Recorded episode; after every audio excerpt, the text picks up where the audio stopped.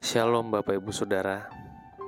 Wahyu pasal 1 ayat 5 sampai 6 Dan dari Yesus Kristus saksi yang setia Yang pertama bangkit dari antara orang mati Dan yang berkuasa atas raja-raja di bumi Raja-raja bumi ini.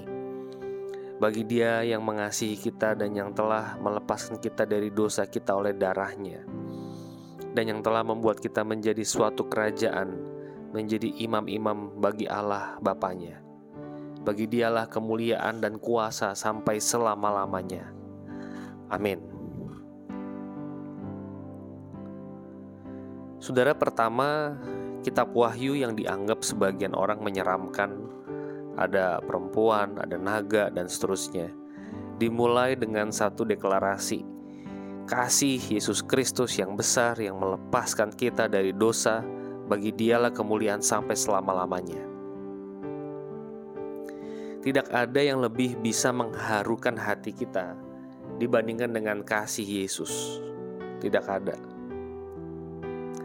Seorang bernama T.T. Shields berkata, Pernahkah sebuah hati begitu keras? Sebuah hati yang tidak tahu terima kasih.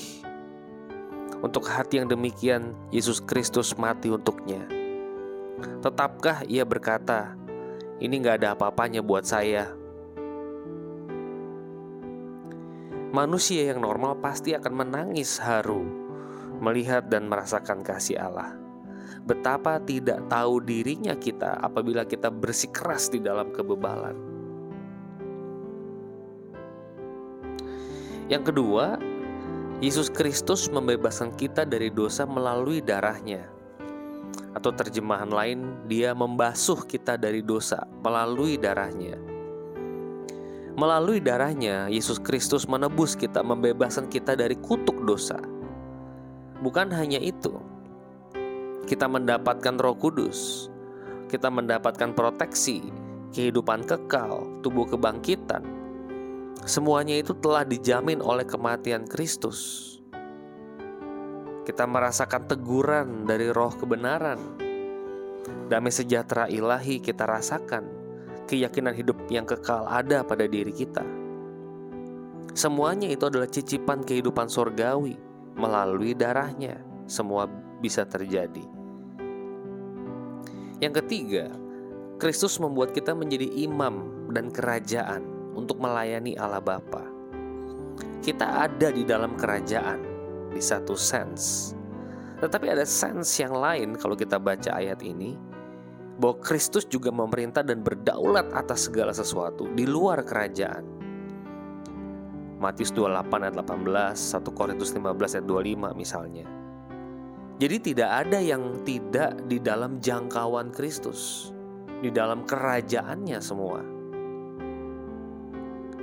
Dengan kata lain, kita adalah orang-orang yang melalui imam besar Yesus Kristus dapat berelasi dengan Allah. Di saat yang sama, kita menjadi imam besar untuk memediasi orang-orang di sekeliling kita yang belum percaya dengan Allah Bapa. Karena kita juga adalah mediator atau imam. Kehidupan umat yang setia di dalam Injil akan menjadi sebuah kabar baik yang mengundang seluruh insan untuk mau percaya kepada Tuhan Yesus Kristus, Raja atas segala raja. Saya merenungkan keselamatan yang Allah berikan bukan hanya berdimensi internal untuk dinikmati oleh umatnya. Keselamatan yang Allah berikan juga berdimensi eksternal, menjadi sebuah magnet yang menjadi daya tarik agar mereka yang belum kenal Injil dapat menerima Injil. Di sinilah fungsi keimamatan orang percaya. Kesimpulan, kita perlu menilik hati kita. Sudahkah kita hidup dengan tahu diri? Apakah kita sudah mencicipi kehidupan sorgawi? Apakah ada sesama kita yang tertarik mengikuti Yesus karena melihat hidup kita?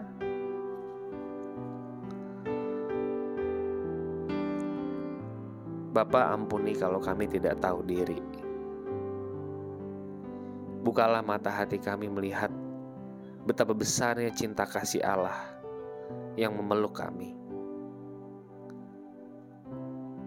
Tolong kami ya Tuhan agar kehidupan kami menjadi kitab terbuka yang membawa orang kepada Kristus.